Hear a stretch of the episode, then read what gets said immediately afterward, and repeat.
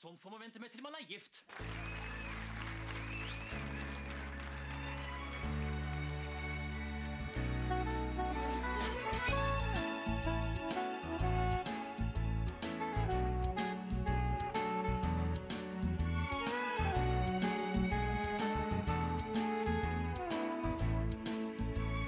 Hei og velkommen til en ny episode av Norsk film filmpodkast. Podkasten hvor vi ser norsk film med et kritisk, men kjærlig blikk. Mitt navn er Emil. Jeg sitter her som alltid med. Stefan heter jeg. Og hvilken film er det vi har sett i dag, Stefan? Det er uh, en film som heter Utmark. Mm. Nei da! Villmark fra 23. Ja, 2003 her. Regissert av Pål Øye. Hallo? Vi fant noe i, i vannet der oppe med det teltet. Hvorfor inte du berette noe? Bare dra hjem hvis dere vil. Bare dra. Eh,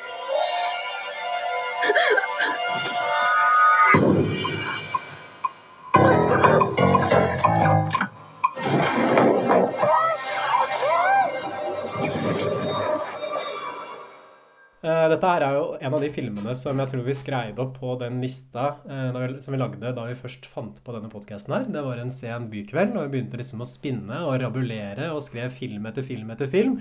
Og vi ble enige om at her har vi nok materiale for 100-150 episoder minst.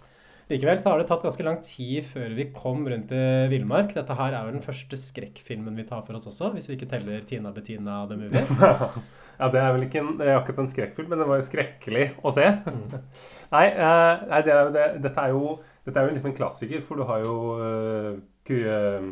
Kristoffer Joner er med. En av de tidlige rollene som han gjør. Og kanskje, altså, kanskje en av de første Faktisk den første ordentlige norske thrilleren.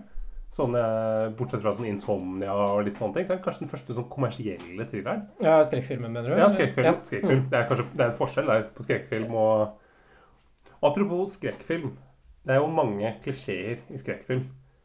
Og vi skal komme tilbake til hvilke klisjeer som dukker opp i Villmark. fordi den er jo fullstappa av Det er jo klisjé på klisjé på klisjé. Ja, Den er forholdsvis uh, generisk, det kan vi jo si med en eneste gang. Mm. Men, men jeg, jeg er jo enig i liksom det at 'Villmark' er på en måte den første sånn ordentlig amerikanske skrekkfilmen som vi har i Norge. Mm. Du har 'De dødes tjern'. Den er vel fra 50-tallet en gang, Stefan? Du veit sikkert hvilket år den kom med ut? Henki Kolstad og Randi Brenna og Ja, den er gjengen der. Ja, basert på André Bjerke-roman. Eh, mens eh, Villmark den markerer liksom Vi har ofte snakka om på podkasten at det er en sånn brytningstid på tidlig 2000-tall i norsk film, når norsk film blir mer og mer sånn amerikanisert og liksom vendt mot den amerikanske filmindustrien. Og man begynner å få flere sånne ordentlig norske sjangerfilmer. At inntil det så har man kanskje prøvd å lage mer sånn særnorsk film. ikke sant? Type en slags sånn kunstfilm, dramaer. Prøve å fange et eller annet sånn spesifikt ved Norge og representere det filmatisk. På starten av 2000-tallet så setter man egentlig strek over alt det der. Det gidder vi ikke å prøve på lenger, for det blir bare latterliggjort. Og det blir ikke noe populært uansett hvor mye vi prøver. Nå går vi for amerikansk sjangerfilm og prøver å gjøre det på en kompetent måte. Ja, Fra at vi så mot eh, øst og litt eh, sørover og sånn, så begynte vi å se rett vest Mm. mot USA. Og det, er jo, det henger vel sikkert sammen med dette her med liksom at med ja, norsk film som måtte ha blitt latterliggjort gjennom hele 90-tallet med Harald Eia og liksom den og Bård og den der gjengen der. Og så kom, så kom da det der skiftet på slutten av 90-tallet, tidlig 2000-tall. Jeg tror det er, man, man skjønte liksom at et eller annet måtte skje her. Og Seinere så har man jo fått en del flere sånne skrekkfilmer. Du har jo Fritt vilt-serien. Det er vel tre filmer i den, så vidt jeg husker. Rovdyr. Ja, Død snø. Den er også Skjult, som er en annen film av han Pål Øye, som kom ut i 2009. Det er faktisk den eneste spillefilmen som er lagd etter Villmark. Etter Villmark, jeg så på Wikipedia-siden hans i stad, så begynte han å lage en del kortfilmer igjen. Og det er vel litt som å bli sendt tilbake på rommet sitt, tenker jeg, som filmskaper. Når det på en måte går Du vil jo gå fra kortfilmen til spillefilmen. Ja, kortfilmen, Eneste målet kortfilmen har, er jo å få det opp på langfilmen. Og når du fortsetter å forlenge med kortfilm, så er det jo øh, Da kommer du til kort. Da, blir det ikke, liksom, da holder du ikke på så lenge. Ja, det må jo være sånn profesjonelt nederlag da å begynne å spille i en kortfilm igjen etter man har lagd en film som Villmark. Fordi jeg har alltid tenkt på dette her som en veldig populær film, Ja. Men det, det er kanskje fordi jeg husker så godt da den kom. Og at det ble litt sånn Wow, tenk at vi kan lage sånt vi i Norge òg. Tenk at vi får til det.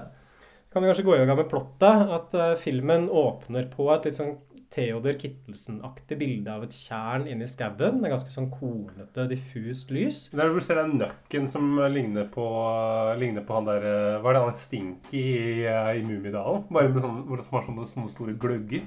Ja, det ser liksom ut som en sånn black Lanterner i fjeset. Det ser ut som et Bursum-cover fra 90-tallet. Ja. Og så kommer voiceoveren til Kristoffer Joner inn.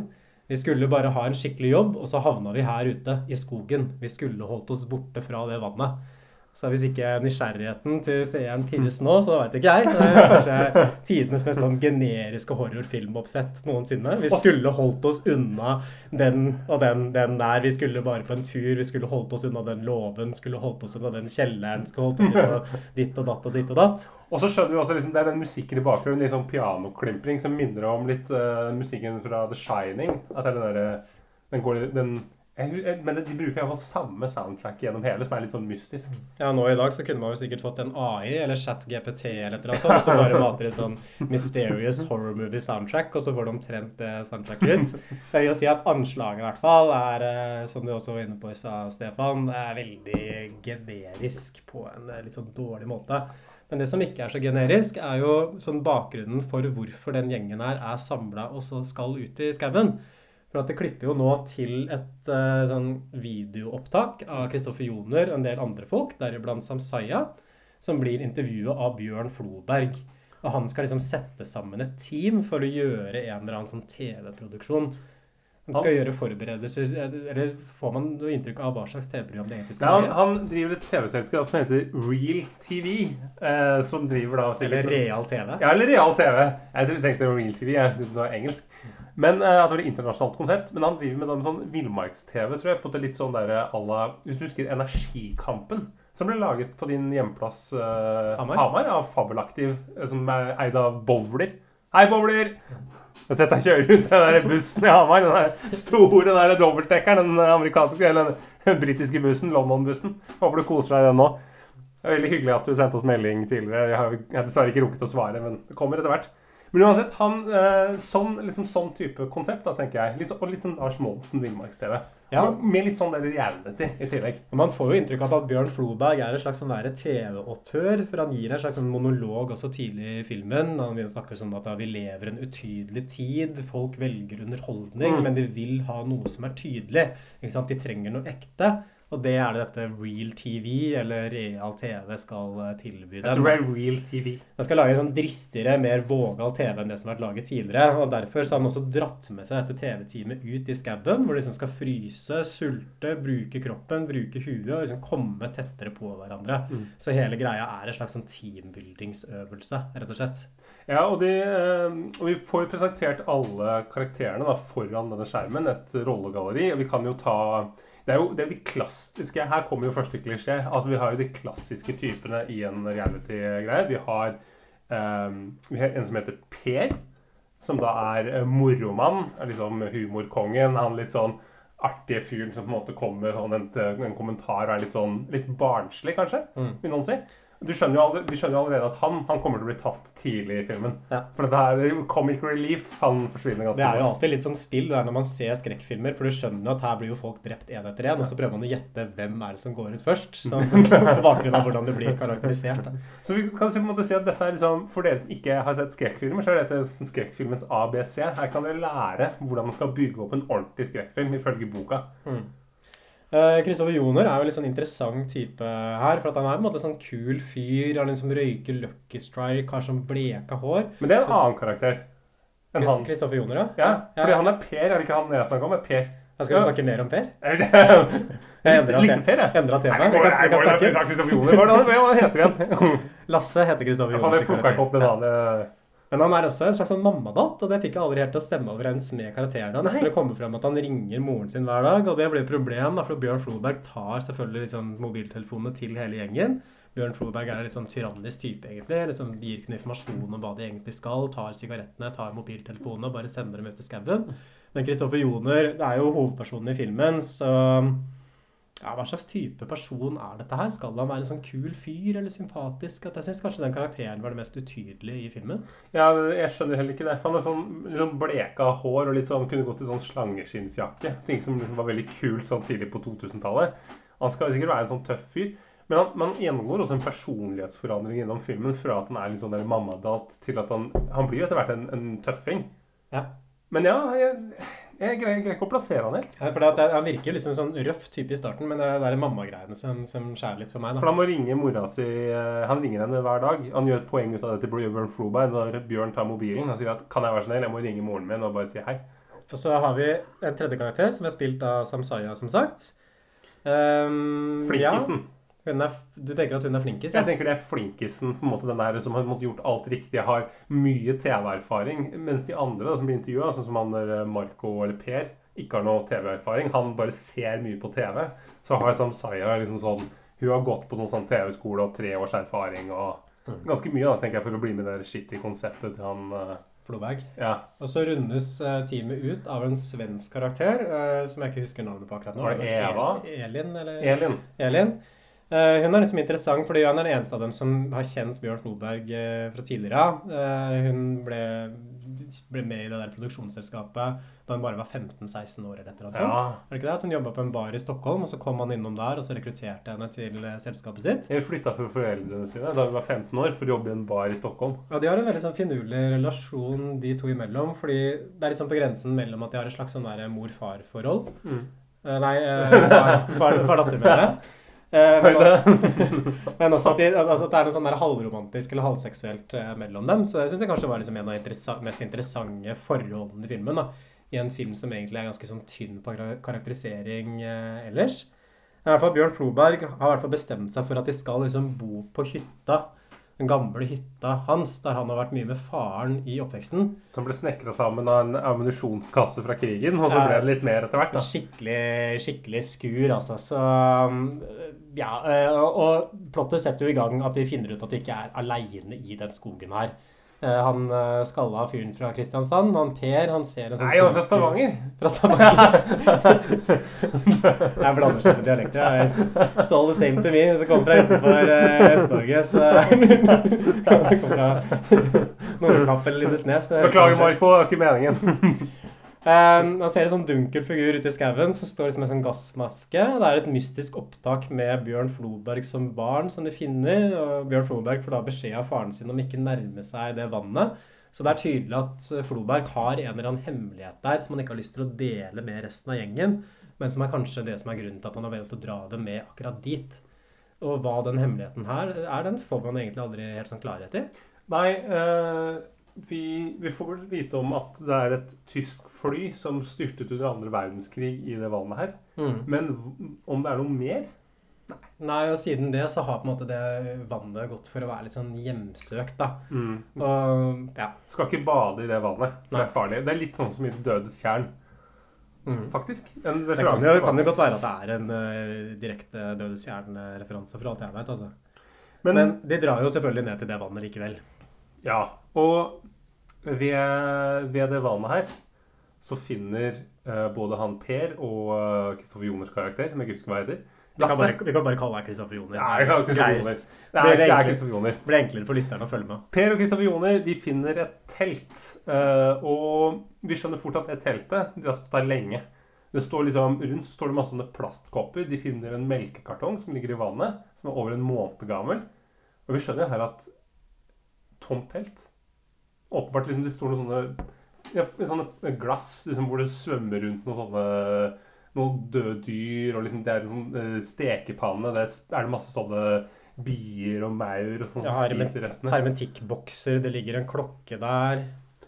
Og henger noen klær også på en line, så det ser liksom ut som de har blitt forlatt sånn veldig i hui og hast. da. Og Jeg synes det var morsomt da vi fant den melkekartongen, for da tok de og helte den melka Ja. ut i vannet. Hvorfor gjorde de det? Var det for å rydde opp, liksom? Jeg skjønner melka er gammel, så jeg må helle den ut. Jeg Ja, tror ikke jeg, jeg tror ikke jeg ville åpna liksom en melkekartong hvis jeg fant den var en måned over natta. Hvis jeg ikke måtte. Jeg hadde bare kasta den og latt ligge, tenkte jeg. Og Inni teltet så ligger det masse tyske bøker om eh, Luftwaffe. Det ligger et digitalkamera, og så er det noen sigaretter og så noe brennevin. Um, Og han, Kristoffer Joners karakter blir jo glad pga. de sigarettene. Fordi en av de tingene de måtte gi fra seg før de gikk ut i skogen, for at dette er jo real TV, det var jo sigaretter, mobiltelefon Altså alt. Og Kristoffer Joner han er jo en storrøyker. Så han er jo helt sånn Du ser jo den nikotinskjermen. Du vet jo alt om det, Emil. Hvordan. Jeg kan kjenne meg igjen der, ja. Så det er en ekstra liten edge i historiefortellinga, det. Det er vel sånn eh, tips til uh, hvis man skal skrive en spennende historie, så prøv liksom å lass på, lass på, lass på med komplikasjoner. F.eks. det at Kristoffer Joner er røyksjuk, som vi kaller det. Vi som, vi som har tatt et par sigaretter i livet vårt eh, tidligere. Vi kjenner veldig godt igjen i det, og det blir liksom et ekstra spenningsmoment. Da, ikke sant? Når er det han skal få tak i røyken? Ja, så kan du kjenne deg igjen i det, du som røyker. vil jo... Så dere liksom får en slags relasjon, du og Chris Ja, jeg levde meg jo veldig inn i Kristoffer Joners karakter pga. det. Også sånn bleka hår, som jeg også har. Eh, kan du kanskje si litt mer også om utseendet på filmen før vi går videre til resten av plottet? For nå begynner det jo liksom å dra seg til her. Eh, jeg syns at filmen ha, er veldig blass.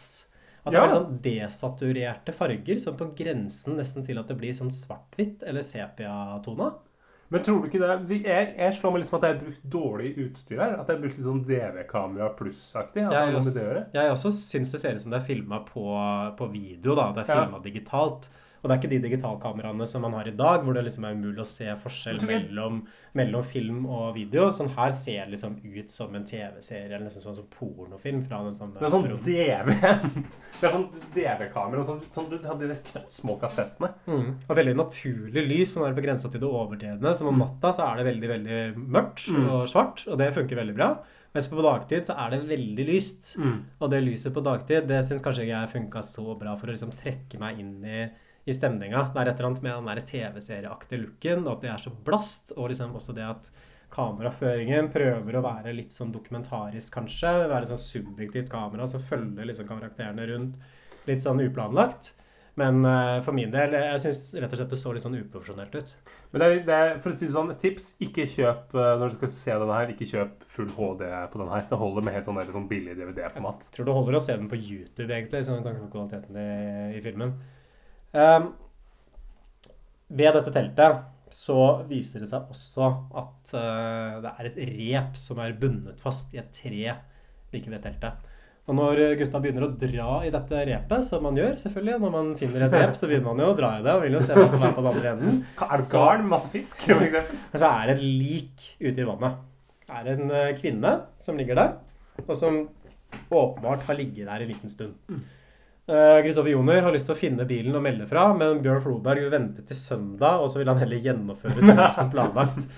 Og han har en sånn logikk på det, for han sier liksom at det har ikke noe å si for liket om hun blir liggende fire dager til i vannet. ikke sant? Så for at hun er jo dau, så det at vi melder fra på søndag istedenfor i dag, det går for det samme. En veldig macho måte å se det på.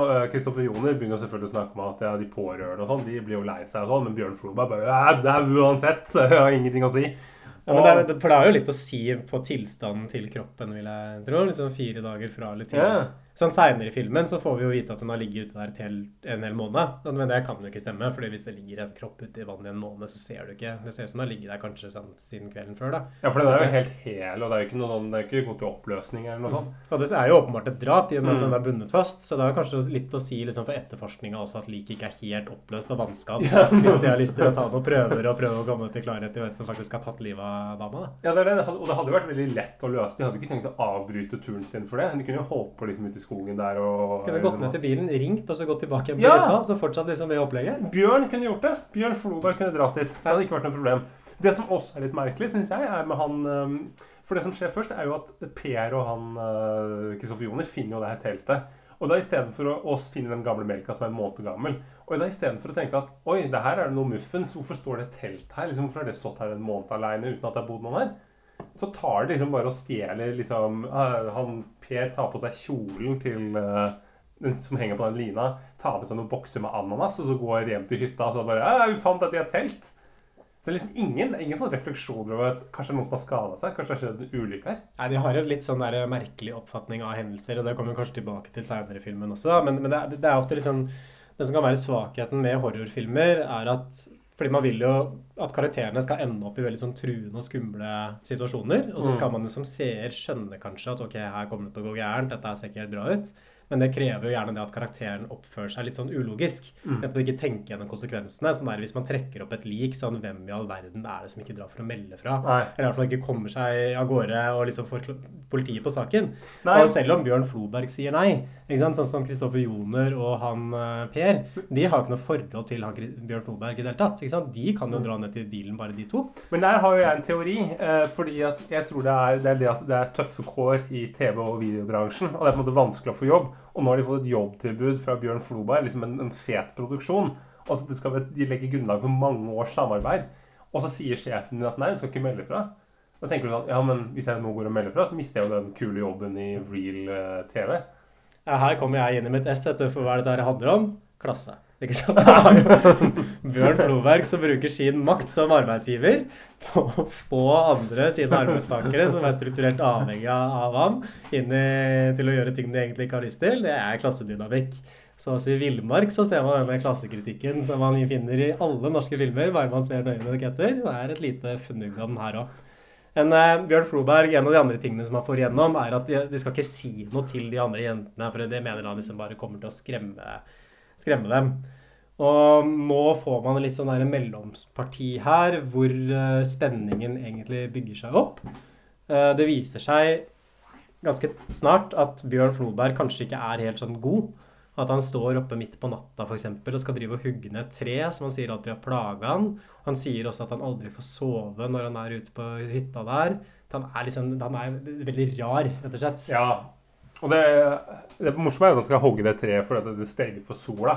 Han er jo på en måte midt ute i skogen, ute i ingenting. Det kommer ikke så mye sol. Det, liksom, Mm. Ja, det er jo trær overalt ellers, ja. Det er det. Det er midt, det er jo, du ser jo ikke trær, skogen for bare trær, som jeg pleier å si.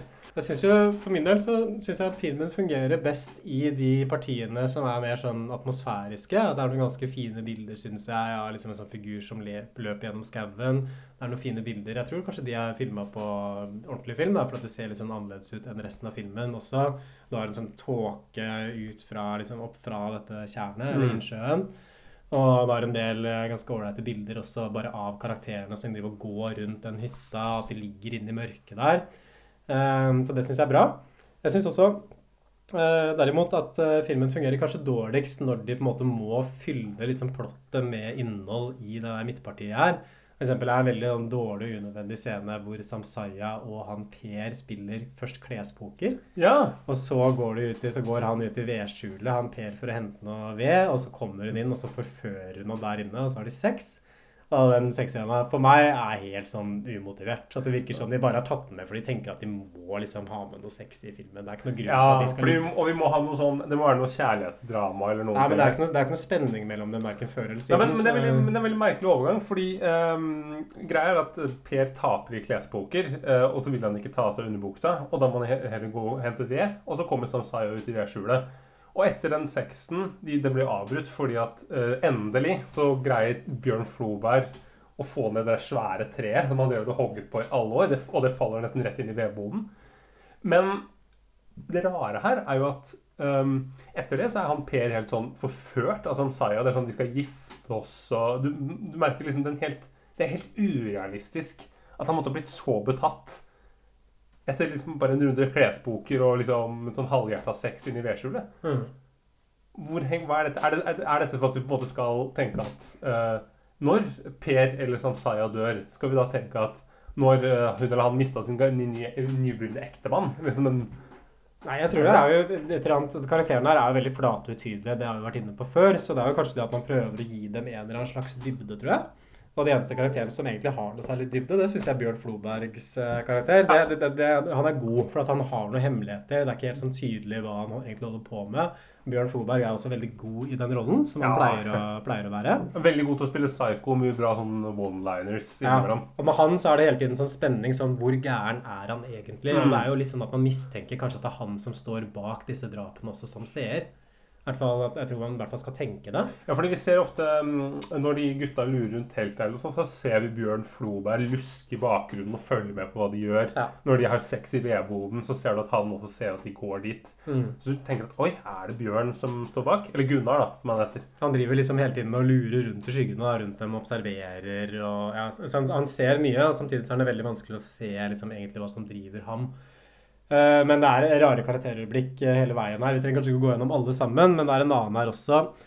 Først så er det en sånn scene hvor Joner eh, går tilbake til teltet for å ta seg en sigg og så hente den spriten. Og da blir han kvært liksom gjennom teltveggen, som jeg egentlig syns er en veldig god Ja, sekvens. det er spennende. Det er en god idé liksom, å ha en skrekkscene inni et sånt lite enmannstelt. At de er ganske sånn klaustrofobiske når du er inne der. Og det ser også veldig sånn visuelt bra ut. liksom De hendene som bare kommer liksom gjennom det der nylonstoffet og begynner å, begynner å kvele ham.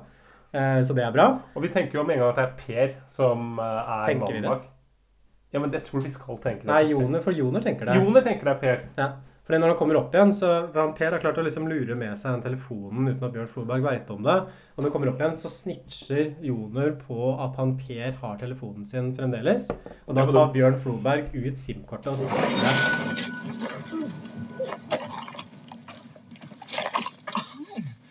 Faen, så du skremte meg der. Faen, så vondt jo. Hva er vondt? Hva her? Sjekk her. Jeg var jo ikke borti deg engang. Nærme teltet. Teltet? Jeg gikk ut for å sjekke mobildekningen min.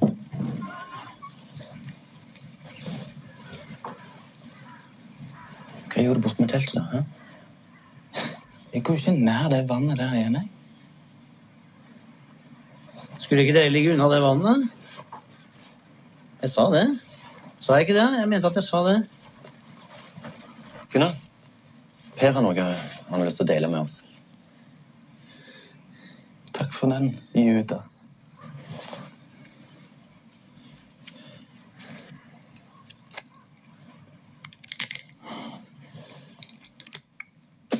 Vi fant jo dekning her oppe. Vi kunne jo ha ringt til noen. Ikke sant? Vi må respektere de lover jeg har satt opp. Altså, blir, men det, det synes jeg, for det her er liksom flere ting, da. For det første så skjønner jeg ikke hvorfor Kristoffer Joner ville jo si fra om det liket. Her er det en telefon. Hvorfor prøver ikke Kristoffer Joner å ta den telefonen og gå og ringe politiet? For det hadde vært veldig lett. Da trenger du ikke å dra tilbake til bilen. Og for det andre, så Kristoffer Joner skal jo være liksom motstanderen til Bjørn Floberg her. ikke sant? Den som er opposisjon til, eh, til Bjørn Floberg. Så hvorfor tar han da tyster på kompisen sin? Det blir jo etablert Mm. også at de er barndomsvenner. Nei, det, det, det gir bare ikke mening. Og det er vel kanskje for å komme liksom til noe annet veldig rart som skjer også. fordi Floberg som en sånn straff, så binder han fast uh, han Per til bakken i noe, i noe som han kaller for stjernen. At han liksom binder den fast sånn med armer og bein i noen trær. Så han ligger liksom som en sånn sjøstjerne spredt utover bakken, og så går de bare. Og det, det synes jeg er sånn rart at hele gjengen bare går med på dette her som det er en sånn normal ting å gjøre. For det er jo psykologisk tortur. Det er jo helt sånn psyko. Jo, men jeg, hadde, jeg hadde aldri i verden gått med på å bli bundet fast og forlatt i skogen på den måten her. Sånn voksen mann, liksom. men, per, men Per går jo med på det selv. Fordi han, Bjørn Floberg sier at han skal tømme dassen. Og det vil jo ikke Per gjøre, for han har jo ikke brukt dassen så mye. Ja, men da, da binder vi det fast istedenfor, så går vi bare. Ja, men, det, jo- men da kunne jo Per sagt at du, jeg vil leve tømme do isteden. Men Per er jo på en måte med på dette her. av en eller annen- Nei, det, det, det er jo helt sinnssyk oppførsel. Og, det, og det, det, det, det, det svikter liksom troverdigheten til filmen også, det at karakterene på en måte går med på så mye. For det er, det så rart. sånn der Ingen hadde funnet seg i det som normale mennesker. Å behandle andre på den måten. Men det er det TV-bransjen. Det vært- er tøft i TV-bransjen. Det Har du vært i TV-bra og videobransjen? Alle unntatt Per blir med meg på dagens oppdrag. Meg? Jeg har jo ikke brukt dassen engang. Per, du er klar over at du er i ferd med å gjøre en innsats for andre enn deg sjøl? det er rørende. Jeg er tilbake om et par timer. Jeg regner med at du er ferdig til da. Jeg vet jo hva, jeg gjør hva faen som helst, men ikke det her. Hva som helst.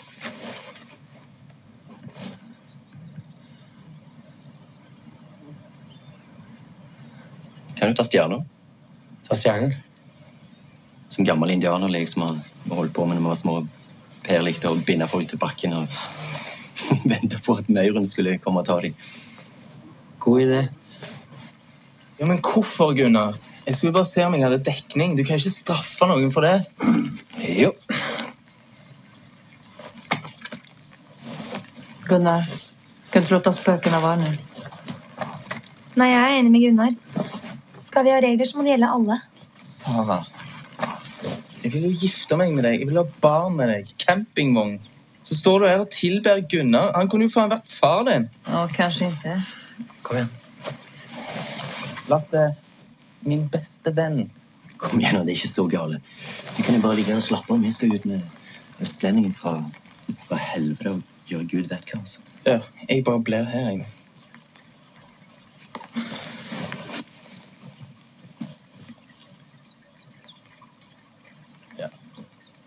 Er det her takken for at de reparerte den jævla pondspilleren? Ikke gå ned til vannet! Husk at det ligger noe i vannet, Gunnar! Og så er det så greier at Floberg skal ha dem til å dra masse trestokker opp en fjellskrent, og så skal de bygge liksom en sånn der formasjon der oppe. Og da står liksom Floberg og snakker om Sisyfos-smuten. Eh, kan jo ta den, da, bare for liksom konteksten sin skyld. At Sisyfos var en gresk gud som uh, forsøkte å lure døden, og så ble han dømt til at han skulle rulle en stein opp et fjell uh, helt uh, ja, til evig tid. Og hver gang han liksom rulla steinen opp på toppen av fjellet, så rulla han bare ned igjen, så måtte han starte på nytt. Så sier man gjerne sånn Sisyfos-oppgaver, og sånne oppgaver som aldri kommer noen vei. ikke sant? Dette, dette lykkes aldri. Og det er jo en kjent sånn filosofisk referanse, og Bjørn Floberg refererer også til et sånt Albert Camus-essay om at Oi. Sisyfos var lykkelig. Som Ja, er han kjent. han var en lykkelig mann. Men... Ja, det, det er fra det Albert Camus-essayet. Men det er veldig sånn uklart for meg hva slags tematisk betydning det skal ha for filmen. Som er liksom dette her et Sisyfos-oppdrag som de er ute på. For man skulle jo tro når man nevner en eller annen sånn filosofisk sang, Mm. så burde det ha en eller annen sånn klang med resten av det filmen handler om. Men det virker som en sånn scene som bare er liksom lagt inn uh, for, å, bare for å styrke at han Bjørn Floberg er litt psycho.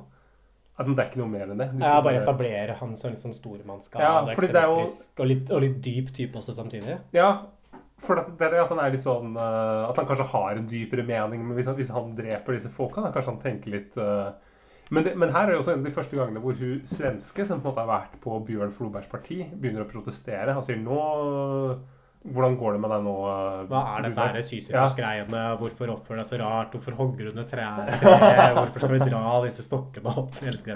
Jeg jo samtidig det er en av de beste scenene. Det er jo utrolig sånn klassisk Bjørn Floberg. Hvis du skulle lagd en sånn satt med en sånn eh, video Uh, Showreel? Ja, eller ja, en, måte, ja, en videokanon Mm. av Bjørn Floberg, så ville du hatt med den scenen der. Ja, men jeg tror Hvis han hadde vært i Larsens leilighet eller noe sånt, for eksempel, så ville du hatt med den. jeg tror det handler også om at Bjørn Floberg Du kan jo bare gi han en monolog, og så leverer han den monologen godt nesten uansett. Men jeg, men jeg bare mener at kritikken min mot scenen er for så vidt at den, den tilfører ikke filmen noe som helst. Og jeg mener at hvis du skal bruke tid på et sånt filosofisk poeng, og en sånn filosofisk referanse, så burde du kunne belyse en eller annen tematikk.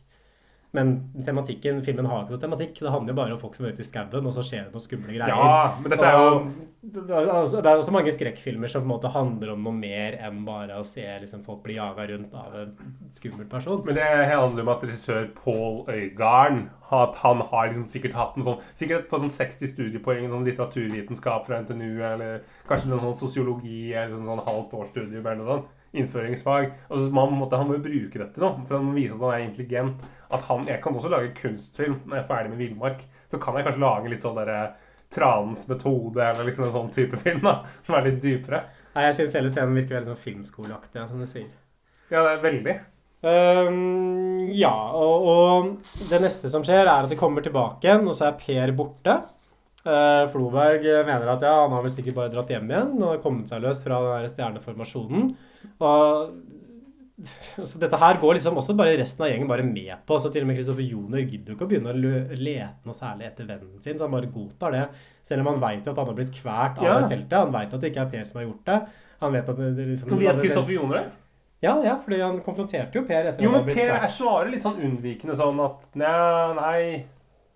Så det er, ikke, det er ikke helt klart om det er Per Ja, men, men likevel, jeg mener at når kompisen din forsvunner, liksom har blitt bundet fast, og så gir han ikke lyd fra seg på en hel Ja, dag og du er ser at liksom i tauene er kutta av. Det er på en måte ikke løsna engang. De måtte se ut som de var kappa ja. med øks. Men Det går han bare med på. Og så, ja, fordi at han har fått tak i den spriten og brennevinen, så han virker fornøyd egentlig. Han bare kan sitte og røyke og drikke ute i skauen.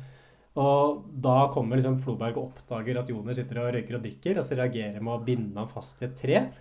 Og det går han også med på sånn uten sånn nevneverdige protester av Joner. Ja, ok, Han da blir jo litt sur, men ikke så sur som det han burde ha blitt. Han begynner å rope og brøle, da, men det, det er jo ingen som hører han.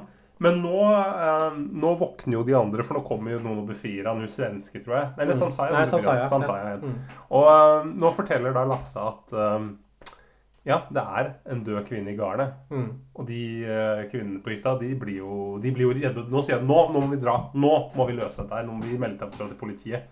Mm. Og det blir vel en sånn konfrontasjon hvor han eh, Bjørn Floberg løper ut av huset og bare forsvinner. Ja, det blir, spenningen bygger seg opp, så jeg vet, vi trenger kanskje ikke å gå gjennom resten av plottet så i detalj, eller hva tenker du? Nei. Så det er, for det er en del litt sånn twist and turns eh, fremover her. Men eh, det det bunner ut i, er liksom at det begynner å komme inn i den der vanlige skrekkfilmpartiet. De finner Per drept. Og nå begynner det liksom å bli sånn at én og én plukkes ut, da. Ja, og der det, vi finner Per drept med en, eh, ved et eller annet bål. Så, eh, så blir Samsaya kidnappet og dratt inn i det der jævla teltet. Mm. Eh, Og så gjør de den der klassiske feilen som man alltid gjør i skrekkfilmer, at de splitter opp. At de liksom ja, bestemmer seg for én og en Det var lurt. ja. Vi må gå og gjøre én og én. Så én blir på hytta, og det er Mm. hun svenske. Én går og prøver å finne og komme tilbake til bilen. Og én Jeg vet ikke hva Samsaya gjør. Jeg løper litt rundt i skogen. Nei, hun er jo kidnappa i teltet. Ja, kidnappa i teltet. Mm. Så På Floberg er det ingen som veit egentlig hva Ja, bare surrer rundt. Og broa er selvfølgelig borte, så kommer, Kristoffer Jone kommer seg ikke til bilen. Noen prøver å bryte seg inn i hytta. Så, men så lenge hun, hun bare dytter litt sånne bord foran døra, så kommer han ikke inn. Altså, helt avslutningsvis så får man en konfrontasjon mellom gjengen og morderen, som viser seg å være en mann kledd i en eh, rød kjole. Eh, Den konfrontasjonen er selvfølgelig nede ved det vannet. Eh, Bjørn Floberg dør. Han ofrer seg nesten selv for dem. Liksom faller oppå morderen og liksom drar morderen ned i vannet. blir skutt med sin egen hagle. Ja, eh, og så er det Elin som egentlig redder dagen. Så Elin og Kristoffer Joner og Samsaya overlever, da. Så det er vel også litt sånn utradisjonelt grep, fordi vanligvis er det jo én person som står igjen til slutt i disse skrekkfilmene. Her er det tre. Har satt hele tida tenkt at Samsaya kom til å dø på vei. Jeg syns at alle burde dø, bortsett fra én person. At jeg tror at filmen kunne hatt godt av litt flere dødsfall. Det, det er veldig mye oppbygning, mens den siste sekvensen den tar jo bare, finner bare sted over sånn, kanskje sånn ti minutter totalt. Ja, er- fra Per blir funnet død til filmen er Og det er ganske spennende der, syns jeg. altså. Ja, jeg syns det er spennende sånn jevnt over, ja. Jeg syns det er en bra film. Mm. Men altså, det, det, må, det jeg må legge til, er jo at hvis noen skulle overlevd, så er det hun svenske. Ja. Hun Elin, liksom den sterke karakteren, som er litt uh, Men som også er, er svak samtidig. Ja. Hun er liksom svak når det kommer til Bjørn Floberg. og Lar han herse med gjengen. Du går ikke inn og liksom prøver å si at nå må du roe deg, Bjørn, og ikke Sysifos-greiene. Det begynner å bli drøyt. Det, måte, det tar så lang tid før du på en måte reagerer på hvordan Bjørn oppfører seg. Mm. Så jeg lurer på om kanskje, kanskje du liker at Bjørn er sånn? Ja, jeg er enig. Jeg syns at hun er en av de mest interessante personene i filmen. Det er kanskje hun vi lærer minst om også av dem. Er Bjørn Folberg er den mest interessante karakteren, så er det hun på andreplass. Så jeg kunne gjerne tenkt meg å sette en film som var mer fokusert på forholdet dem imellom. Ja. Kanskje mindre Per og Kristoffer Joner og Og i hvert fall Samsaya. Som jeg, jeg får ikke noe ut av Samsaya. Samsaya er bare Hun bare maser og spør hun der Elin om eh, liksom, Har du ligget med Bjørn for å få jobben. Og Mm. Elin blir jo pissed som faen på Samsaya. Hun Eh. virker en utrolig usympatisk type. Så til slutt da, så får man jo vite hva som har skjedd her, for nå har liksom hele gjengen kommet seg sikkerhet, så de sitter hos politiet, og så politiet fyller dem inn. Eh, Det som har bakhistorien her, at det er noen tyske turister som ville finne vannet der hvor bestefaren deres styrte under krigen. Av en eller annen merkelig grunn. Jeg kan liksom ikke skjønne hvorfor det er et sånt åpenbart feriemål, men det, det var det i hvert fall for dette tyske ekteparet. Tyskere elsker Norge, vet du, Emil. Mm. Og I hvert fall der hvor eh, nazibesteforeldrene deres daua. En slags pilegrimsferd tilbake dit. Eh, Kvinnen drukna i dette vannet, og da klikka det for mannen, og han ble liksom en drapsmann. da. Og Det er derfor han liksom flyr rundt med den kjolen, og han har liksom åpenbart kanskje bare levd liksom i det teltet der en måned og bare tilta mer og mer. Eh, Men Kristoffer Joner mener at det er noe som ikke stemmer her. Og det henger sammen med han portvokteren. For det er et sånt bilde av dem, nemlig, disse tyske paret, hvor du ser at det er han portvokteren som har åpna liksom bommen. Ja, fordi han- Du møter ham tidlig i filmen også, for han er liksom han som åpner bommen til dem for å komme liksom inn i det skogområdet. Og så zoomer liksom kameraet inn, og så ser man sånn gjenskinnet av hans ansikt. da. Så han som har tatt bilde av de tyske turistene. Men hvorfor er det Det er sånn uklart for meg. Hvorfor skulle det være noe mistenksomt? Kan du ikke bare ha fått han til å ta det bildet? Å ja. Hvorfor, hvorfor, hvorfor skal man mistenke han? Å, ja, fordi jeg trodde han satt inne i hytta inne i vinduet og så ut på de tyske turistene. Å ja. Men det er jo men Nei, fordi man ser kameraet foran. Ja, det er rett. Selvfølgelig han tatt, det er han som har tatt bildet. Hvorfor skjønte ikke jeg? Jeg skjønte ikke hvorfor han satt inni hytta med et lite kamera. Og snekte. Da tenkte jeg å, creepy fyr. Nei, fordi, fordi det er jo, Ideen her er at man skal tenke kanskje at det var han som egentlig sto bak alt sammen. For at det skal ha en litt sånn åpen og mystisk slutt. Han, han vokter jo bare den bommen inn til skogområdet. Det er hans jobb. Det er, er Og at, han var, og at han var snill og stilte opp for å ta det fotografiet av disse turistene. Hvordan overlever han bare på å passe på den bommen, egentlig? Hvor var huset hans? Han var liksom ikke noe sted. Altså, det, var litt sånn bullshit avslutning, akkurat det, syns jeg. Ja, det er jo for å lage Villmark 2, da, som eh, også har kommet seinere. Ja, den er jo satt på et sinnssykehus, har jeg lest, med Anders Ja. Bosmo, for, for, blant annet. Ja, er Bosmo sinnssyk. Mm. Tydeligvis. Sinnssykt god til å spille, i hvert fall. Nei, jeg kan kanskje begynne, begynne å evaluere. Ikke sant? Jeg, jeg syns egentlig at filmen er veldig god på å holde på spenninga underveis. At den er veldig stramt fortalt. At det er få unødvendige elementer. Plottet går fort fram. Mm. Det er ikke for mange. Det er liksom den ene scenen hvor de spiller klespoker der, og Samsaya og han P ligger sammen. Det er kanskje liksom, den, den scenen vil jeg bare kutta. Men bortsett fra det så er det ikke så mye sånn fett på det skroget her. At det er, det er ganske, ganske sånn to the bone, god, godt, kompetent gjennomført manusarbeid. Eh, Jeg syns også Bjørn Flobergs karakter er veldig god. Det er en interessant figur. Det er vanskelig å vite hvor, han, hvor man har ham. Er han snill? Er han slem? Er han gæren? Er han kanskje Ja. den minst gærne av de alle der? I tillegg til at Floberg også er veldig god, da, selvfølgelig som skuespiller. At han, ja. Han gjør jo filmen for meg. Jeg syns jo, jeg synes jo Kristoffer Joner briljerer ikke så veldig mye her. Nei, den, den kunne blitt spilt av hvem som helst, syns jeg. Det kunne vært Anders Bosmo også, for den saks skyld. Ja. Selv om at eh, Anders Bosma er jo god, da. Så du kunne jo hatt en annen. Kunne Det kunne hatt, vært eh, Aksel Hennie eller Kleveland. Torbjørn Harr, Mm. for eksempel. det hadde vært fantastisk. Torbjørn Harr i den filmen her. Eller en av mine, våre favoritter. Jørgen Langhelle, kanskje. Og Jørgen Lange, eller Kulehaugen Kyrre Haugen Sydnes. Ja, synes jeg. Nei, Jeg syns også det er litt sånn der iboende filmatisk over den settinga. At du har liksom den mørke skogen, du har lommelykter, du har tjern. Så det er en slags sånn crossover mellom Dødes tjern og Blair Witch Project, kan man si. Og det er litt sånn der, det er noe litt sånn særnorsk over liksom, sånn den vrien på skrekkfilmsjangeren der også. liksom At det er på en hytte. Jeg i hvert fall tenker at det er sånn typisk Norge, da. I hvert fall en sånn hytte som ligger At det er noen som vil ha en sånn hytte midt ute i skogen hvor det ikke er noen ting. Men der koser jeg meg og liksom har et lite aggregat som akkurat gir akkurat nok strøm til noen sånne lamper i taket, liksom. Ja, for det er, Der mange, det er jo mange nordmenn som har hytter som liksom er like falleferdige avsides som den hytta Ja, til Bjørn eller- sin far er. Så det, det kunne man kanskje ikke Det hadde ikke vært plausibelt i så mange andre land. Eller sånne nisser som har fancy-hytter, som er ute i skogen sånn, på sånne utrolig dårlige plasseringer. Sånn ute i liksom sånn ja, sånne rare steder, liksom. Langs en motorvei. Der bor de. Der syns de det er fint å være, for vi har jo tross alt hytte. Nei. Uh, det dårlige er at handlinga er veldig generisk og tynn. Og det kan jo kanskje være liksom at det er den posisjonen som hadde, for at den liksom var kanskje liksom litt den første i sin sjanger. da, ikke sant? Mm. Først som gjorde dette på norsk. Men jeg syns likevel at de kunne fått mer ut av det. Jeg syns også liksom hele den oppklaringa av drapet er et sånt antiklimaks. At det er så dumt. Ja. Ah, det er noen tyske turister som skulle se tjernet der hvor bestefaren deres daua. Og så ble han så gæren, og han begynte å kle seg i kjola til kona. Det, det, kunne gjort, det, det, det, er noe, det er ikke noe skummelt, det. At du, kunne gjort et eller annet liksom, Ja, men-. Men dette her, uh, dette er, uh, dette er liksom tatt rett ut av den norske filmen 'Ung flukt'. Der, uh, det er på en måte der en eh, ung mann flykter med en ung dame, med Liv Ullmann, til skogs. Og så måte er, skjer det veldig mye spennende på den hytta. Men så er antiklimakset sånn at de kommer da liksom til lensmannen i bygda. Og så er det akkurat den samme scenen hvor de sitter rundt et bord med en sånn der lensmann, sånn der, sånn, og, sånn der pottit-type, liksom sånn, med sånn litt, eh, litt merkelig dialekt. Og som, måtte, som kommer og liksom er sånn veldig, sånn veldig sånn norsk og koselig. Det er ikke sånn politiet som slår folk med sabler og sånn. Det er på en måte sånn der Sånn jovial type. Ja, det ordner seg, det her. Ja, ja. Det, er, liksom i Psycho også Alfred Hitchcock, for der også kommer en sånn psykolog og forklarer liksom hele bakhistorien på slutten av filmen. og kan det hende at det er en psycho-referanse, eller man tenker at det er greit for at Hitchcock gjorde det, men ja. Er det litt sånn tvungent også at det bare kommer inn en sånn random tredjeperson og bare forklarer handlinga?